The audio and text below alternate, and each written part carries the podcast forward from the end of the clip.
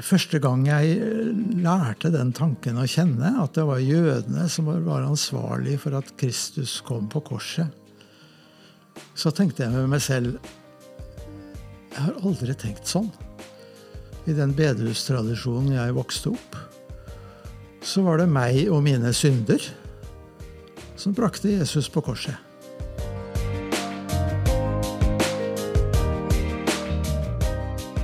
Lytter til podkasten 'Kirken og jøda' med Rolf Gunnar Heitmann og Kristoffer Eknes.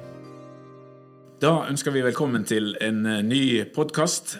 Denne gangen skal det handle om eh, det vi ofte kaller for antijudaisme. Eh, mitt navn er Rolf Gunnar Heitmann, seniorrådgiver i Den norske Israelsmisjon. Og med meg her i studio så har jeg professor emeritus Oskar Skarsaune ved Menighetsfakultetet.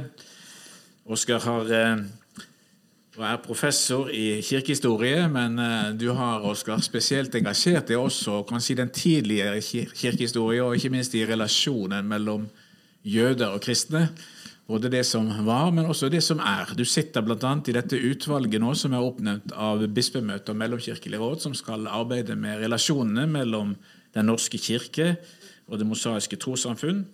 Og du har også vært veldig aktiv i dialogarbeidet mellom jøder og kristne i Norge. Og så har du også hatt sterkt engasjement for messianske jøder. Du var blant de som skrev de første lærebøkene i Kaspari Senters eh, undervisning, eh, undervisningsmateriell, og siden har du også publisert eh, store verk om de jesustroende jødenes historie, både i antikken og også det siste arbeidet som du har levert om, om middelalderens Spania. Men Oskar, den, den, første gangen jeg ble kjent med det, tror jeg var i gymnastiden min, eller på videregående. Da fikk jeg et hefte i hånden som het 'Hansens hemmelighet', som du skrev når du var litt yngre og jeg var svært ung. Eh, hva var det for noe? Ja, det var egentlig et uh, bestillingsverk til uh, Oslo Kristelige Studentlag. Um, Eh, de bestilte kort og godt et evangeliseringshefte som kunne presentere den kristne tro på relativt få sider, og som kunne være til utdeling under evangeliseringskampanjer. Eh, og jeg satte meg ned og skrev et eh, utkast. og Litteraturutvalget i Credo forlag syntes det var brukbart, og så ble det trykket.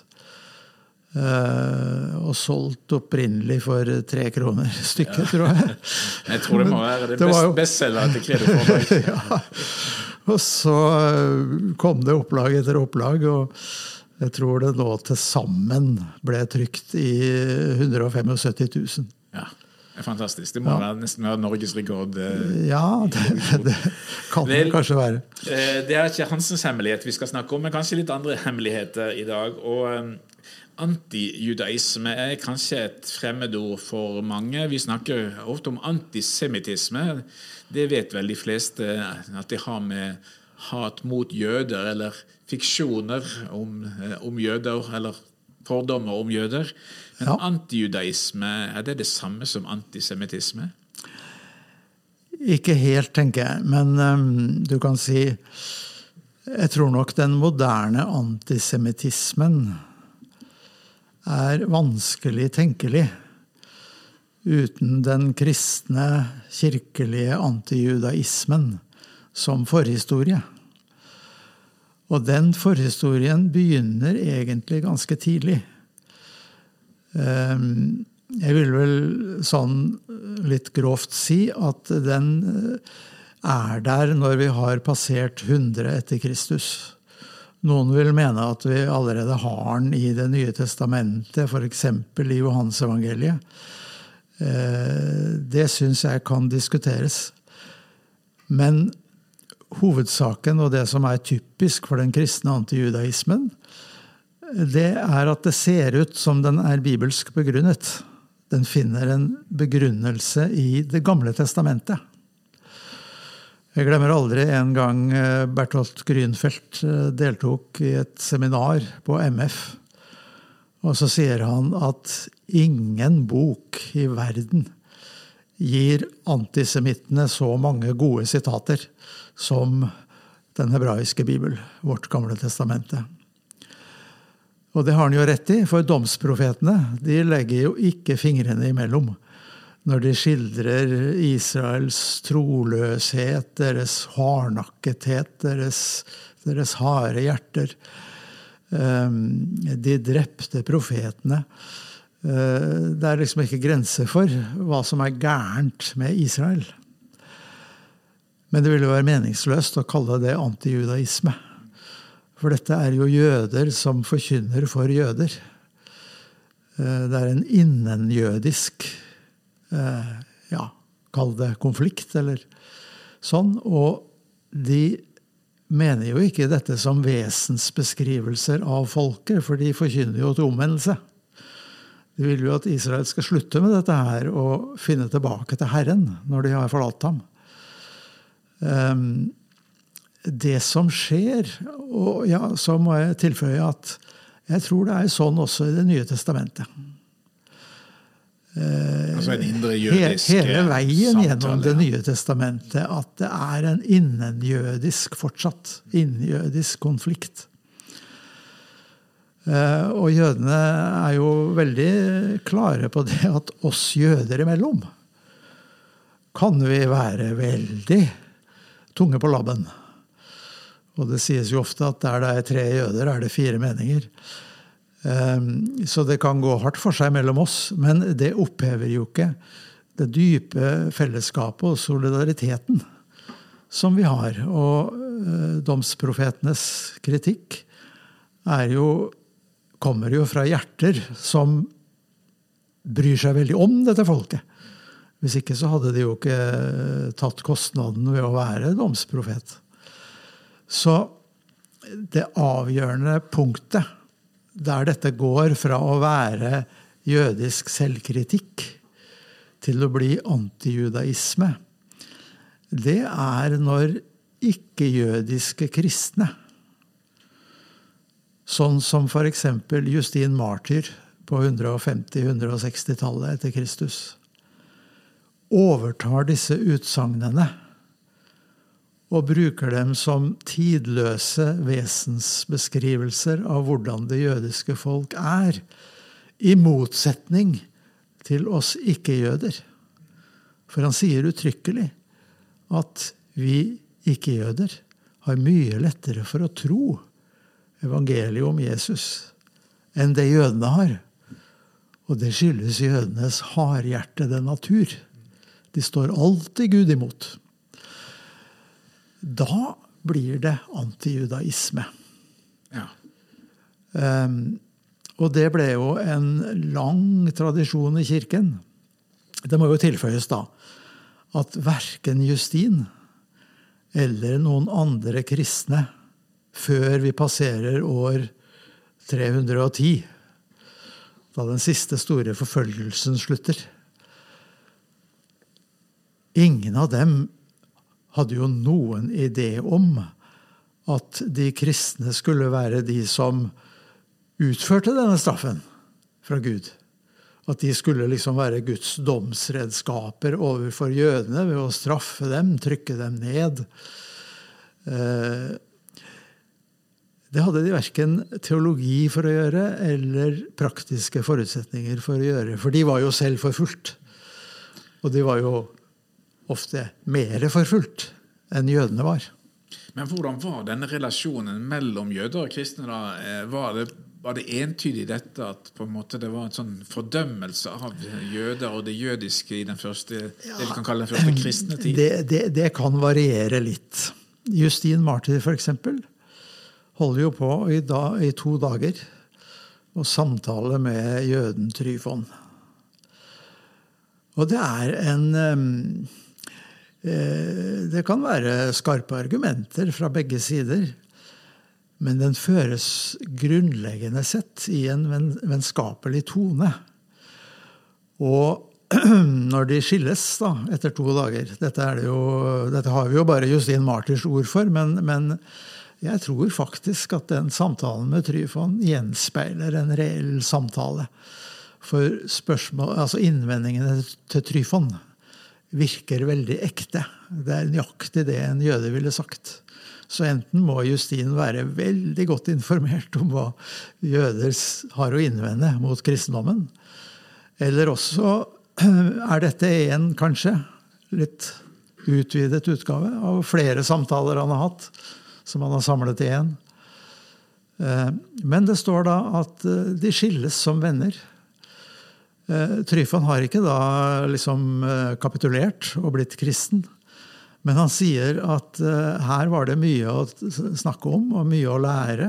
Og jeg håper vi kan treffes igjen til en ny samtale. Og jeg har en mistanke om at det Justin da antyder med den slutten, det var at når Tryfon fikk tenkt seg litt om, så, så hadde han nok allerede hørt nok til at han kunne tenke seg å tro på Jesus. Men ville det for Justin bety at han på en måte gikk bort ifra sin jødiske historie, kultur, identitet? Ja, veldig godt spørsmål. Og nei, det tror jeg ikke. For han omtaler faktisk jødiske Jesus-troende. Og han sier at for dem er det helt greit å fortsette med jødisk praksis. Det som ikke er greit, er hvis de forlanger av hedninger som tror på Jesus, altså ikke jøder, at de skal bli mosaiske øh, jøder. At de skal omskjære seg, holde Moseloven, dens rituelle bud. Eh, det avviser han. Og det er jo for så vidt nytestamentlig. Um, I mine yngre år så tenkte jeg aldri over det der, men jeg, jeg, tenker jo nå at dersom Paulus hadde hatt en sønn, tror jeg han ville omskåret ham. For han hadde jo ikke noe interesse, interesse av å melde seg ut av det jødiske folk. Han omskar jo Timotius og kalte han sin sønn. Ja visst. Ja visst. Eh, så, så eh, der er vi nok i norsk tradisjon farget litt av en kirkelig teologi som kom seinere. Og som forlangte av det de da kalte jødiske konvertitter til kristendommen. Eh, at de sluttet med jødisk praksis. Og når vi kommer så langt som til middelalderen og inkvisisjonen i Spania, så blir jo det der helt, eh, helt forferdelig. For da, da tvinger de først. De praktiserer tvangsstopp. Og så har de en mistanke om at disse tvangsdøpte kanskje ikke er oppriktige i sin tro. Altså det, er, det, er, jo helt grotesk, det som da, det som da finner sted. Du, visste du at Først er det første misjonsbladet? Først var først kalt Misjonsblad for Israel. Så har Først først nå fått ny innpakning. Ja, dette i form av bladet Først. Rett og slett et gammelt misjonsblad i ny form. Fremdeles med fokus på det første folket. Bestill ditt første eksemplar nå, eller abonner først som sist. Misjonsbladet Først. Sammen skal vi gi evangeliet tilbake til jødene. Gå inn på israelsmisjonen.no.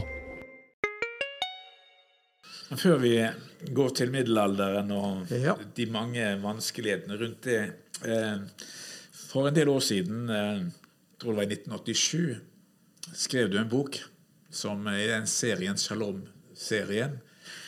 Eh, om nettopp der du bl.a. belyser Justin Martyrs tanker og holdninger. Og du kaller boken 'Der Skriften ble åpnet', den første kristne tolkning av Det gamle testamentet. Er den eh, tittelen saksvarende? Kunne vi kanskje også sagt da Skriften ble lukket? For det var vel noe med dette at Justine ikke helt hadde forstått kanskje sammenhengen, altså denne indre jødiske samtalen som du er opptatt av, men, men tolket det annerledes? Ja. Um, det er noe av grunnen til at den antijudaismen Ja, riktig.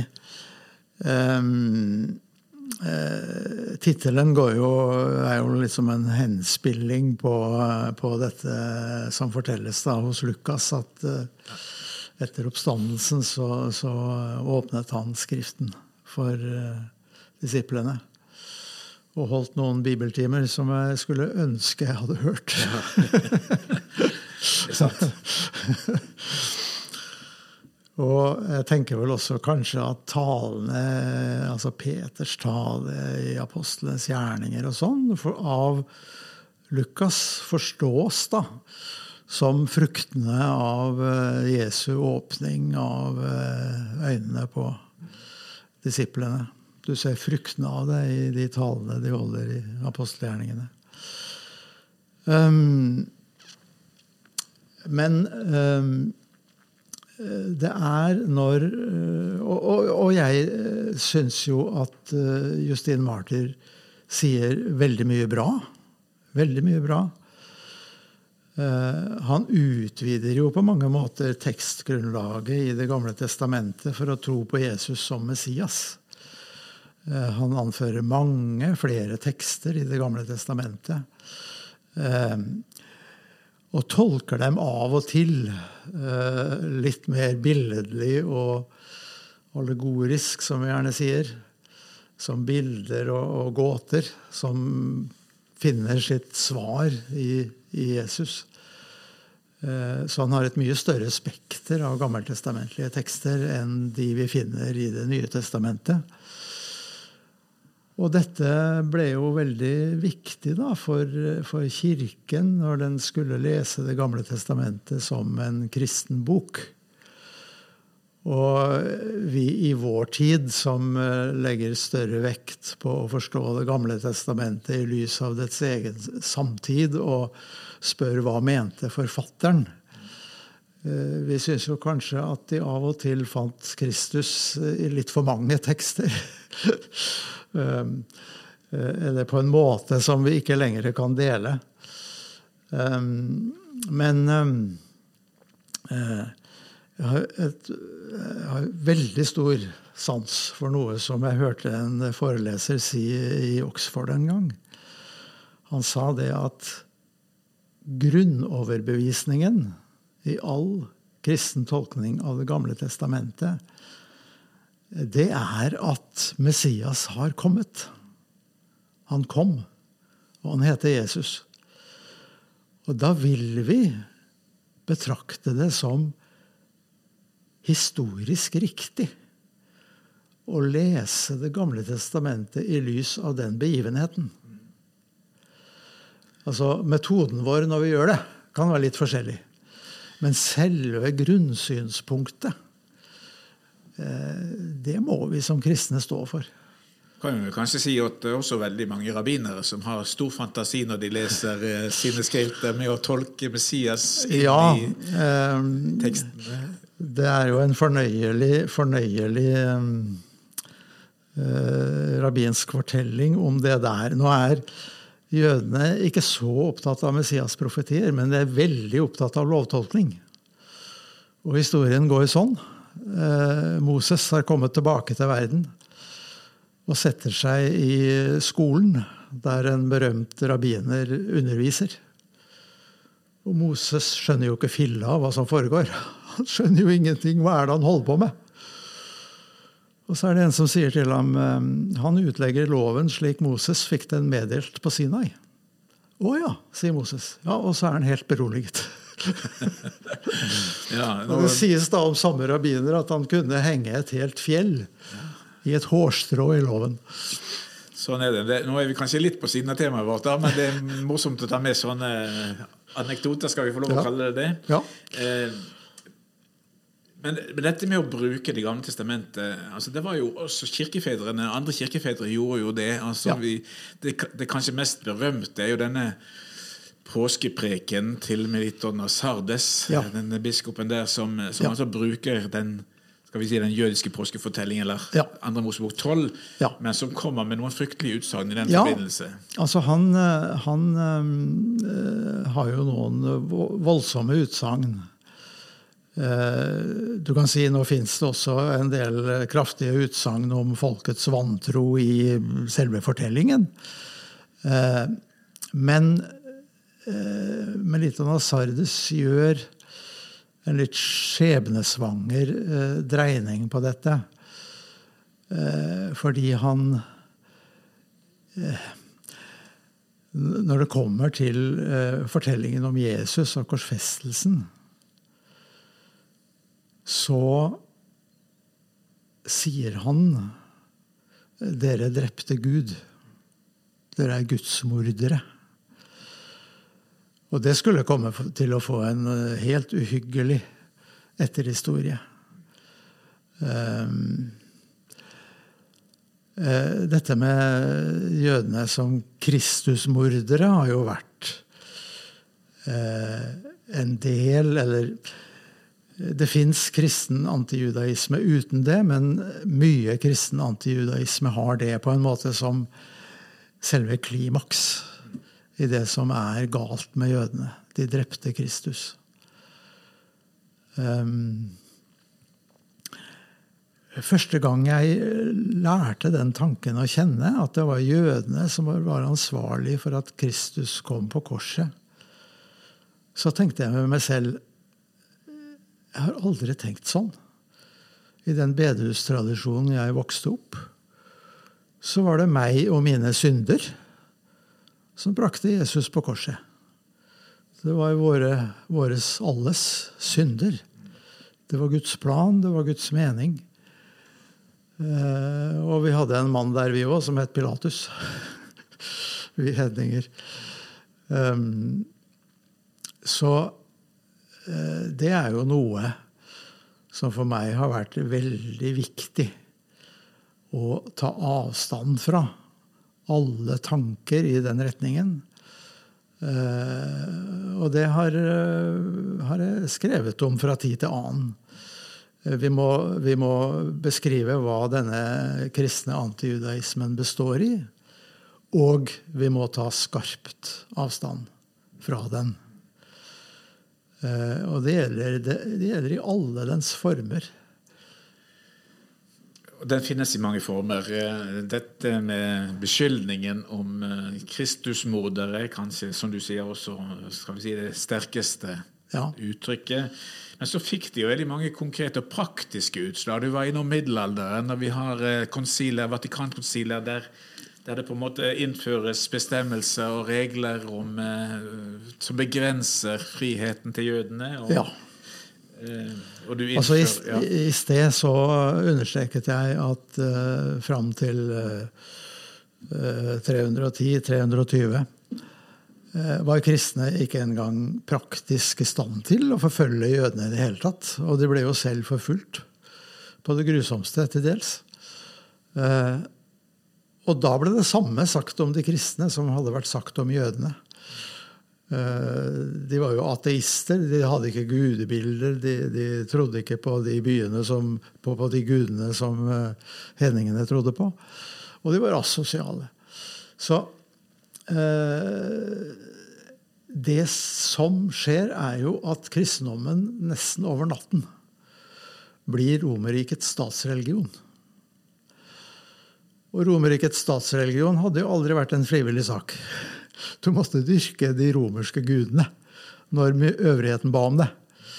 Hvis ikke kunne det gå Romerriket ille. Det var bare ett folk som hadde unntak, og det var jødene. Eh, så de ble ikke forfulgt på samme måte som kristne av hedensk ett. For de kunne ikke påberope seg fedrenes tradisjon. Det kunne jødene. Um, og da overtar på en måte det kristne Romerriket en teologi som sier at alle mennesker i Romerriket skal holde den nikenske trosbekjennelse som sin tro. Det eneste unntaket var fortsatt jødene, men kirkefader Augustin utformer en teologi som sier at fordi jødene ikke mottok Jesus som Messias, så skal de ha en underordnet stilling. De skal ikke herske over kristne. Det er de kristne som skal være på toppen. Jødene skal ha en underordnet og begrenset stilling. Og det der praktiserte man da lenge. Det var ikke lov å De skulle ha sin religion uforstyrret. Men de skulle ikke kunne ekspandere. Det var forbudt å konvertere til eh, jødedommen. Og de var underlagt en del restriksjoner. Så blir det etter hvert verre for jødene. Og det har litt sammenheng med det at eh, det var helt fundamentalt i lovgivningen. Jøder skulle aldri utøve noe slags herredømme over kristne. Men så var det gunstig for konger og andre øvrigheter å bruke jødene som skatteoppkrevere, f.eks. Og det gjorde de. Og det gjorde jo ikke noe for dem at jødene ble upopulære på det, men de ble det. Veldig upopulære på det. Og så er det jo en bestemmelse i Moseloven om at du ikke skal ta renter av din landsmann, men av de fremmede kan du gjøre det. Og det gjorde jo da at jødene veldig fort kom i posisjonen som eh, pengeutlånere. Eh, for de kunne ta renter av eh, hedningene. Og det er jo få som låner ut penger hvis de ikke får noen renter for det. Så de ble jo liksom assosiert da med, med pengeinnkrevning og og det oppsto sånne stereotyper som at jødene er pengegriske og veldig materialistiske. og og så, videre, og så, videre. så du får en masse sånne eh, klisjeer om jødene som gjør at de etter hvert blir upopulære blant folk flest. Det du nå sier, forteller jo noe om at denne antijudaismen, eller an kristne antijødiske holdningen, den resulterer altså i en bredere antisemittisme? Ja, og i begynnelsen så er det jo eh, I begynnelsen av denne perioden så er det jo fortsatt sånn at på grasrotplan er det ofte veldig gode forbindelser mellom kristne og jøder. Og det er til og med så gode forbindelser at biskoper og kirkeledere syns det blir for mye av det. Så de holder da voldsomme prekener. Ikke mot jødene i og for seg, men mot de judaiserende kristne. Og det å judaisere, det er da å sosialt omgås jøder, ha, dele måltider med dem osv. Um, en biskop på 300-tallet sier til og med han er helt forskrekket. Noen synes rabbineren holder bedre prekener enn presten. Og de, de, vil gjerne gifte seg hos rabbineren, og de deltar i jødenes påskemåltid. Det er ikke grenser for hvor eh, feil han syns dette er. Eh, senere får vi altså et mer folkelig jødehat. Og da er det paradoksalt nok eh, gjerne kirkens ledelse, biskopene og kongene, som på en måte holder sin beskyttende hånd over jødene. For de holder fast på det gamle prinsippet at de skal få utøve sin religion i fred. Men det får de da ikke pga. dette folkelige jødehatet. Og så går det over en terskel under det første korstoget. For da blir det fortjenstfullt av kristne å drepe troens fiender når de kriger mot dem i Det hellige land. Så da kommer det forbudet mot å drepe jøder. Det oppfattes folkelig som at det, det forbudet er helt opphevet.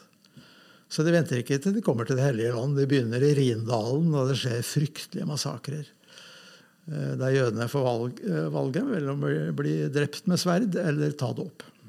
Dåpen eller døden? Dåp eller død. Da kommer vi inn på norsk historie også. ja, vi gjør, vi gjør, jo det. Ja. Vi gjør jo det. Um, selv om Sigurd kanskje ja, altså, du, vet, du vet, Den norske, norske historien med jødene er ganske kort. Ja. Den går tilbake til 1851. Før det hadde jøder ikke adgang til eh, kongeriket Norge. Og det står i Grunnloven av 1814. Eh, dette har jo Harket eh, skrevet et aldeles utmerket bok om.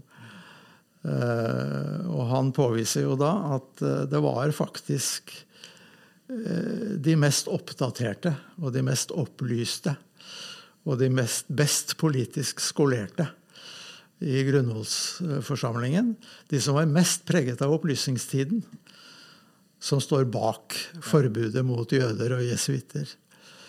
Håkon Harket. Mm? Håkon Harket. Ja. Ja. Eh, Det er hans tese, og den, jo, den er, har jo meget solid grunnmur i, i kildearbeid. Eh, og de fleste av oss har jo et ja, Mange av oss har et positivt syn på opplysningstiden. Men det var rabiate antisemitter, flere av de ledende opplysningsfolka. Ja, når jeg antydet, antydet eh, norsk historie, så tenkte jeg også på han som drev, eh, altså kongen som reiste i jordsalfar. Ja. Eh, Han var jo en del av for så vidt Han eh, var nok en del av de som uh, tok for seg av Sigurd med sine skip. både det ene og det andre. ja. Men uh, opplysningstiden, sier du. Vi er jo opplyste mennesker. Vi uh, kan litt historie, og vi Men lever denne antijudaismen fortsatt i vårt vår tenkning, vår forkynnelse, og praksis? Har du reflektert noe over det? Ja, jeg har jo vært litt opptatt av det. Um, Det har vært en tendens i kristen eh, bibellesning. Når vi leser evangeliene, f.eks. Da oppfatter vi naturligvis uten videre fariseerne som identisk med jødene.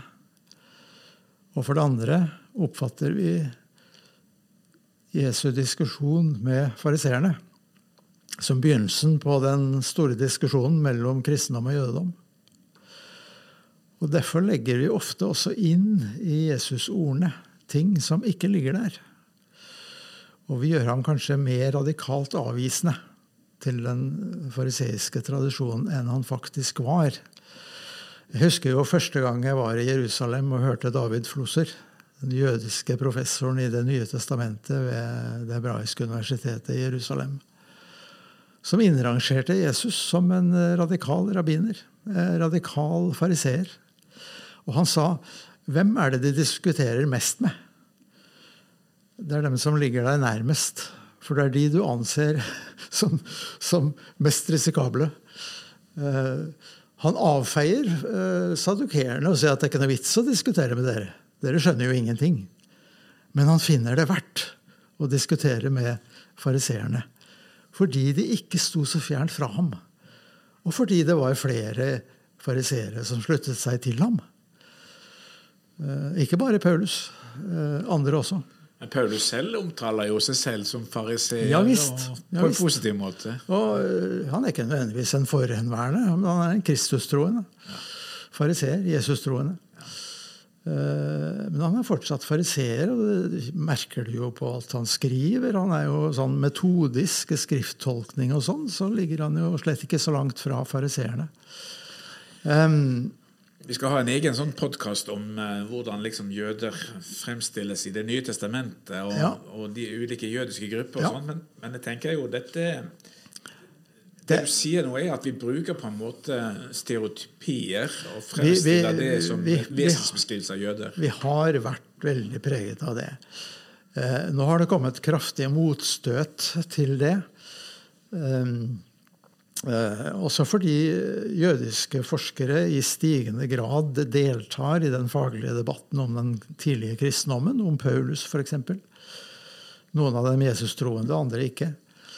Um, og eh, det som jeg tenker er viktig å ta med seg som en lærdom fra det som har skjedd i de siste årtier, faktisk, eh, det er at eh, man leser hele Det nye testamentet med litt andre briller enn f.eks.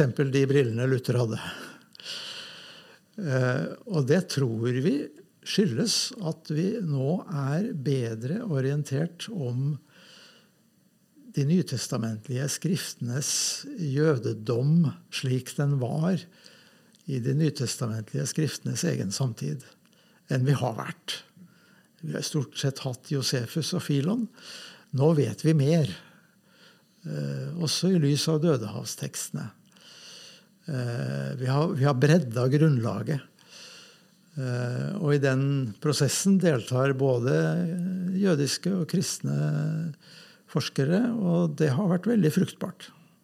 Veldig fruktbart. Så vil ditt råd til bibellesere da være at vi kanskje først og fremst ikke bare må lete etter mannakorn for vår egen skyld, men at vi må prøve å forstå tekstene og budskapet inn i sin jødiske sammenheng. Det er jo litt vanskelig for oss som lever ja, 2000 år etterpå. Det, det er jo det. Altså, vi har jo ikke den bakgrunnen innabords, noen av oss. Eh, det er jo, det er jo stort sett uh, ting vi har hørt og lest oss til.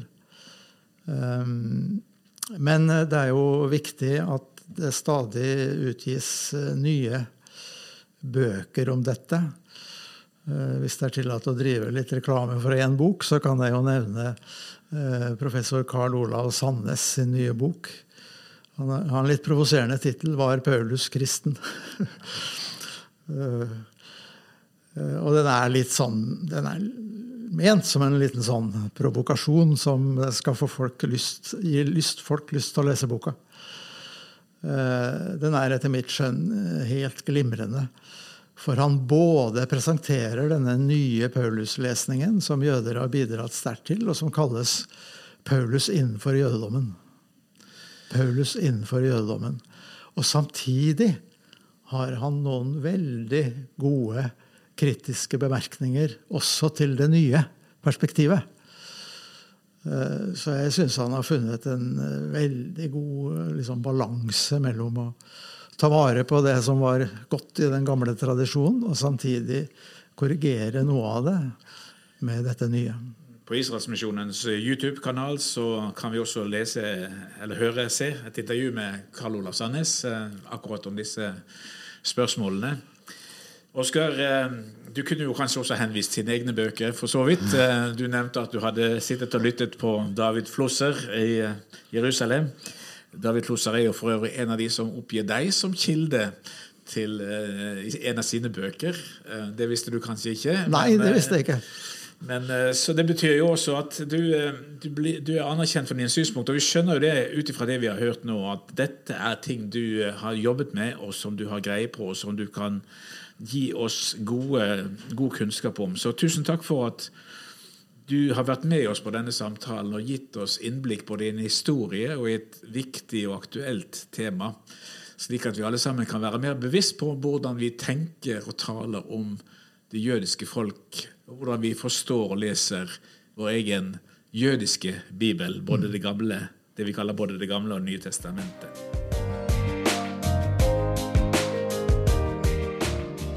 Du har nå hørt podkasten 'Kirken og jøder'. Du kan finne flere episoder på både Apple Podkast og Spotify. Om du vil lese mer om emnene fra podkasten, kan du besøke oss på israelsmisjon.no. På gjensyn.